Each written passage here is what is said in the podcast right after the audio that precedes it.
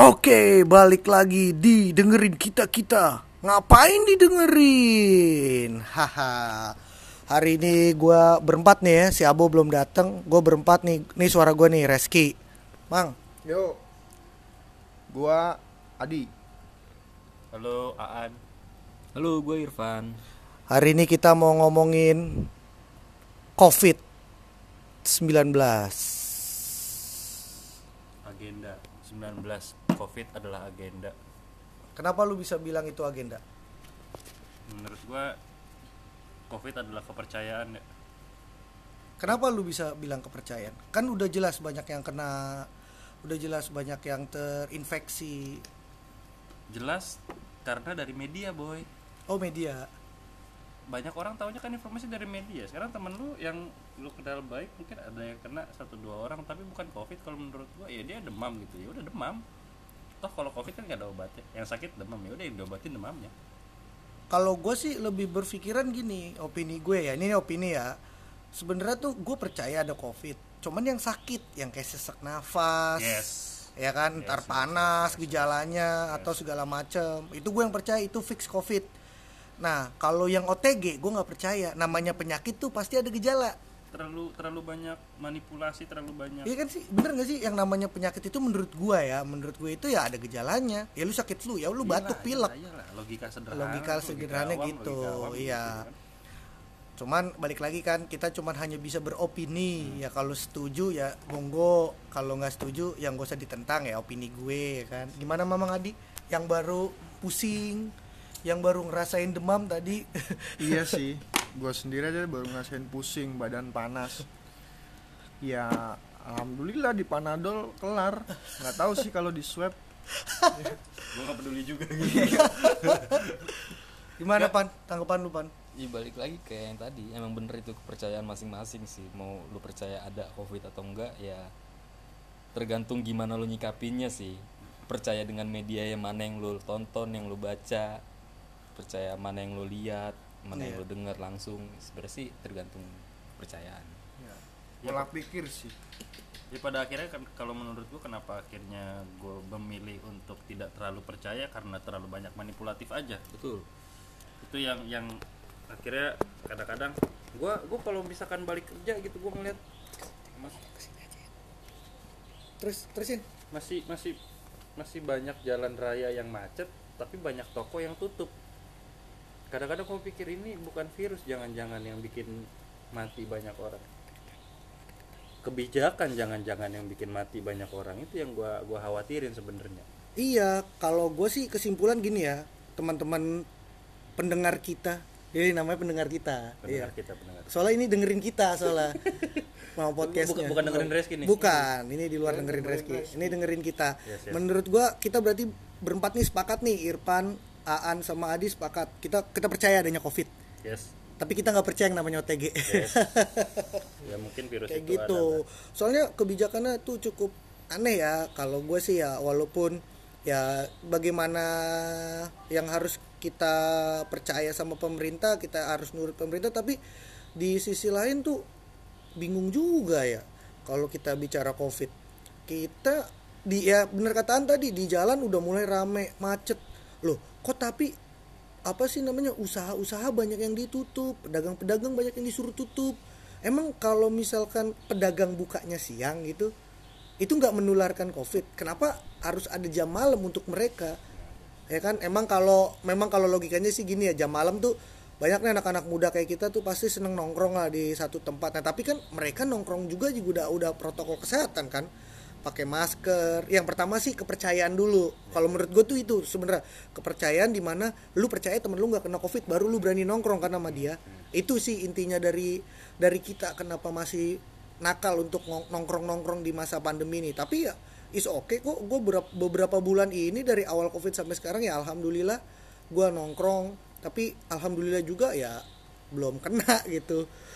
Nggak Ya. ngarepin juga kena gitu. Ya emang kalau misalkan gue pikir juga toh pada akhirnya nanti ketika ada orang yang merasa oh ya gue positif dia akan sadar diri untuk tidak menularkan ke orang lain dan dia akan mengurung dirinya sendiri itu aja cukup sebenarnya kan Iya, sudah udah cukup sih menurut gua kalau kayak gitu doang. Tapi yang jadi yang jadi pertanyaan kan sekarang media. ya nah situ, itu, itu. Media kan? media me, ya gue nggak tahu ya propaganda apakah dia membuat propaganda apa dia ngegoreng berita tapi yang namanya atau berita opini. Iya tapi yang namanya berita itu memang kayak gitu bang. Hmm. Eh, dia itu bad news itu ya jadi good news menurut mereka. Ya karena dia ngejualnya ya dari berita-berita yang bad news lebih ngangkat. Kalau buat orang-orang Indonesia nih ngebaca berita nggak juga orang Indonesia sih. Hampir seluruh penduduk di dunia ya sukanya yang bad news karena itu sangat kejual gitu. Terlalu banyak mementingkan sensasi dibandingkan esensi nah cakep tuh. Kayak yang sekarang aja ini sih masalah masker ya. Ya Yang wah masalah masker tuh. Tiba-tiba masker scuba udah nggak dibolehin karena banyak pro ruang, kontra ya kan. pro pro pro kontol ya gitu ya. Iya pro kontra pro pro kontra. Ya itu ada menurut gue sih ada sisi lain juga gitu yang nunggangin itu. Lucunya lucunya lagi mengenai masker ya. Scuba dilarang gak lama keluar kebijakan masker harus SNI apaan emang helm? Terus lu lu kalau jatuh mulut lu bakalan terlindungi gitu. Bakalan gak berdarah gitu kalau lu jatuh pakai masker SNI tapi sih kalau menurut gue ya kalau misalkan memang harus dilarang tuh dari awal. Kan dari awal udah banyak tuh tutorial di YouTube ya kan yang masker scuba nggak aman ya kan? Masker scuba nggak aman. Itu juga ada uji cobanya kan kayak misalkan lu pakai masker scuba lu nyalain lilin ya. kan? Lilinnya bisa mati kena tiupan dari mulut lu. Nah itu kenapa nggak dari situ aja dari awal disimpulin masker scuba nggak boleh. Dan dianjurkan untuk jajangan yang SNI lah. Yang minimal ada ada kriterianya. Jadi UMKM ini bisa menciptakan masker-masker yang bisa aman dari virus covid ya kan? Jangan nanti dibikin SNI kalau ada list list esensi eh, SNI kan harus ada persetujuan dari negara dulu. Ujung-ujungnya apa? Bayar pajak lagi bayar uang lagi. Sian UMKM kita kan? Kayak gitu ya menurut gua. ujung-ujungnya ya rakyat kecil juga yang kena yang udah jualan scuba jadi nggak nggak laku gitu kan. Iya sayang kan scuba yang udah ada kumisnya, ya nggak laku ntar ya kan. Yang udah scuba mulut lu ya kan, kan ada kan sekarang tuh scuba mulut lu. iya yang, Banyak. yang motif macan ya kan Motif macan. Kasihan yang udah udah udah punya peluang bisnis yang udah mulai tough lagi untuk nyari uang di usaha masker scuba ya mati lagi sekarang. Mereka bingung lagi mau bisnis apaan ya Iya, kan. iya, kadang-kadang kemarin juga gue sempat mikir oh udah new normal nih berarti udah saatnya orang udah ngerakit lagi dia mulai menyusun kehidupannya dia memulai kembali eh, menata Iya. yang berantakan sebelumnya sekarang ekonomi resesi tapi pergerakan dibatasi nah kita mau sampai depresi apa gimana Wih gitu? anjing, belakangnya sisi semua tuh. Oke.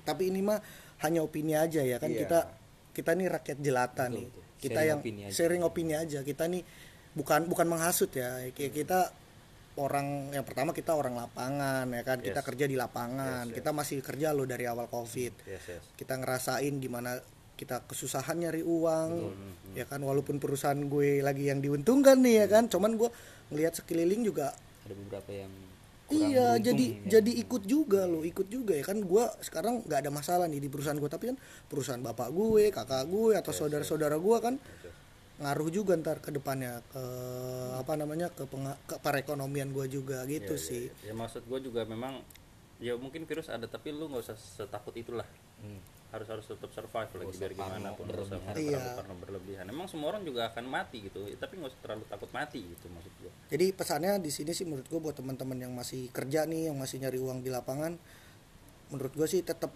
tetap percaya aja virus ada, biar lu tuh lebih berhati-hati yang pertama. Terus juga jangan terlalu panik. Jadi kita harus ngurangin rasa kepanikan karena gue ngerasain kok awal-awal covid, gue nggak berinteraksi sama siapa-siapa, tapi gue ngerasain gejalanya semua. Tapi itu karena gue stres ya. yes yes yes benar gue juga pernah gue juga pernah demam akhirnya gue ngurung diri sih sampai dua Nah, minggu nah kalau Aan ini salah satu orang dalam pengawasan dulu. Dia Dulu udah ODP. ODP. Dia termaksud orang yang pernah ODP. Dan menurut lu itu gimana?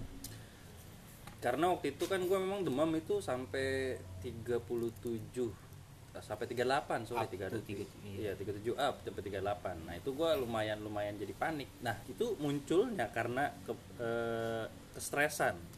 Jadi waktu itu sempat ada beberapa problem juga di gue sampai akhirnya gue bawa kepikiran gue nggak bisa tidur eh, istirahat berantakan makan berantakan tiba-tiba demam gitu kan. Mungkin jadi eh, apa ya istilahnya ya jadi rentan terhadap virus. Iya, imun akhirnya turun ya. imun turun Imun karena turun. stres ya kan? Virus masuk gue cek darah dong akhirnya kan karena rekomendasi dokter dua hari gue demam nggak turun gue cek darah terus eh, tipes nggak ada negatif. Terus tiba-tiba dari hasil cek darah itu leukosit tinggi. Leukosit itu kan darah putih ya. Leukosit darah putih itu tinggi indikasinya setiap ada virus itu ya memang leukosit akan tinggi virus apa pun entah Iya. itu corona Iya, entah itu betul. apa pun gitu kan Flu juga kan? Influenza. Flu Ah, juga kan? flu juga flu juga jadi nah gue sadar terhadap itu ya udah gue ngurung diri gue aja gitu sampai dua minggu untungnya tetangga tetangga semua support mereka juga gue sama nyokap doang waktu itu sempat istri juga gue balikin ke rumahnya dia dulu buat jangan dekat dulu ya gue berusaha buat melindungi sekitar setidaknya gitu. Nyokap juga gue gue ngurung diri di kamar ngasih makan juga cuma sebatas di depan pintu.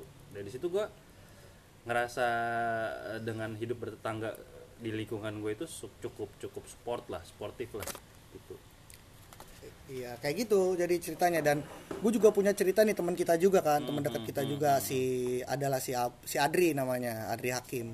Ada Instagramnya Adri Hakim. Coba lihat itu juga tuh dia itu bekas bekas, dia Mantan. mantan covid juga dia kena. Nah itu lebih aneh lagi tuh dia. Jadi dia itu kena dari adik iparnya. Karena kan kebetulan dia tinggal itu sama adik iparnya. Adik iparnya itu positif. Nah kebetulan nih dia negatif, eh dia dia positif juga. Dan dia kan eh, tinggal sama istrinya juga tuh di rumah mertuanya. Nah si istrinya ini pas di swab itu negatif, yang positif hanya hanya si teman gue ini si Adri nih. Kok gitu? Kalau misalkan memang COVID penyebarannya masif dan berbahaya, kenapa si istrinya nggak kena dan gua pun nggak kena? Yes, yang yang yang seminggu hari, tiap iya hari, setiap setiap hari. hari sama dia karena gue sekantor kan gue tiap hari jalan sama dia setiap hari ketemu dia ya kan makan siang makan pagi Kena bareng dropletnya gitu. dia. kena dropletnya dia ya bohong deh kalau jaga jarak nggak mungkin nggak mungkin. Ya, namanya semotor ya kan? Kan kalau ngomong muncrat. Nih, kalau ngomong muncrat ya kan? Dan lokal. Gue di swab dua kali hasilnya negatif. Nah kebetulan temen gue ini ODP nah gue nggak tahu deh tuh apakah emang itu benar virus covid atau ya gue nggak berani ngomong sih tapi itu hanya keresahan-keresahan aja yang ada di dalam diri gue gitu intinya terlalu terlalu banyak manipulatif juga akhirnya ngebuat beberapa orang ya kayak Jering dia akhirnya bersuara. Dia kan menyuarakan perbedaan maksudnya. Dia dia dia punya pola pandang pola berpikir yang berbeda sama orang-orang pada umumnya. Masa salah gitu? Hmm. sebenarnya kalau ngomongin jaring itu harusnya nggak masuk penjara tau. Iya. Tirta aja bilang dia Iya. juga. Sebenarnya gua nggak dukung Jering di penjara Iya, cuman caranya, Iya. caranya jaring itu terlalu keras. Ya mungkin dia anak pang kan. Iya, emang Iya, iya. Iya, begitu Kebawa ya? adatnya. iya ke bawah. Adatnya, iya kalau ya anak pang ya bersuara ya sekeras mungkin, sekenceng mungkin, nggak ada negosiasi gitu kan. Iya. Mana nggak bisa kan, harus kayak gitu ada ada tata caranya dan kebetulan dia juga fak, public figure kan, ya nggak bisa dia kayak gitu. Itu teman-teman. Nah, udah cukup sekian ya. Ntar kalau kebanyakan ngomong ntar kita kena tuntut lagi. Oke, abis ini kita review dulu ya.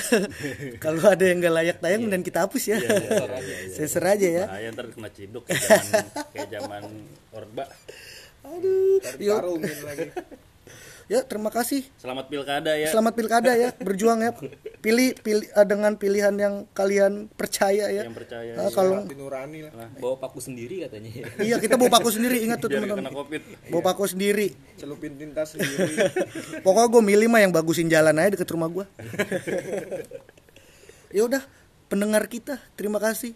The next eh, podcast nggak tahu kapan. Ini dulu saya mau dengerin. Dadah, thank you.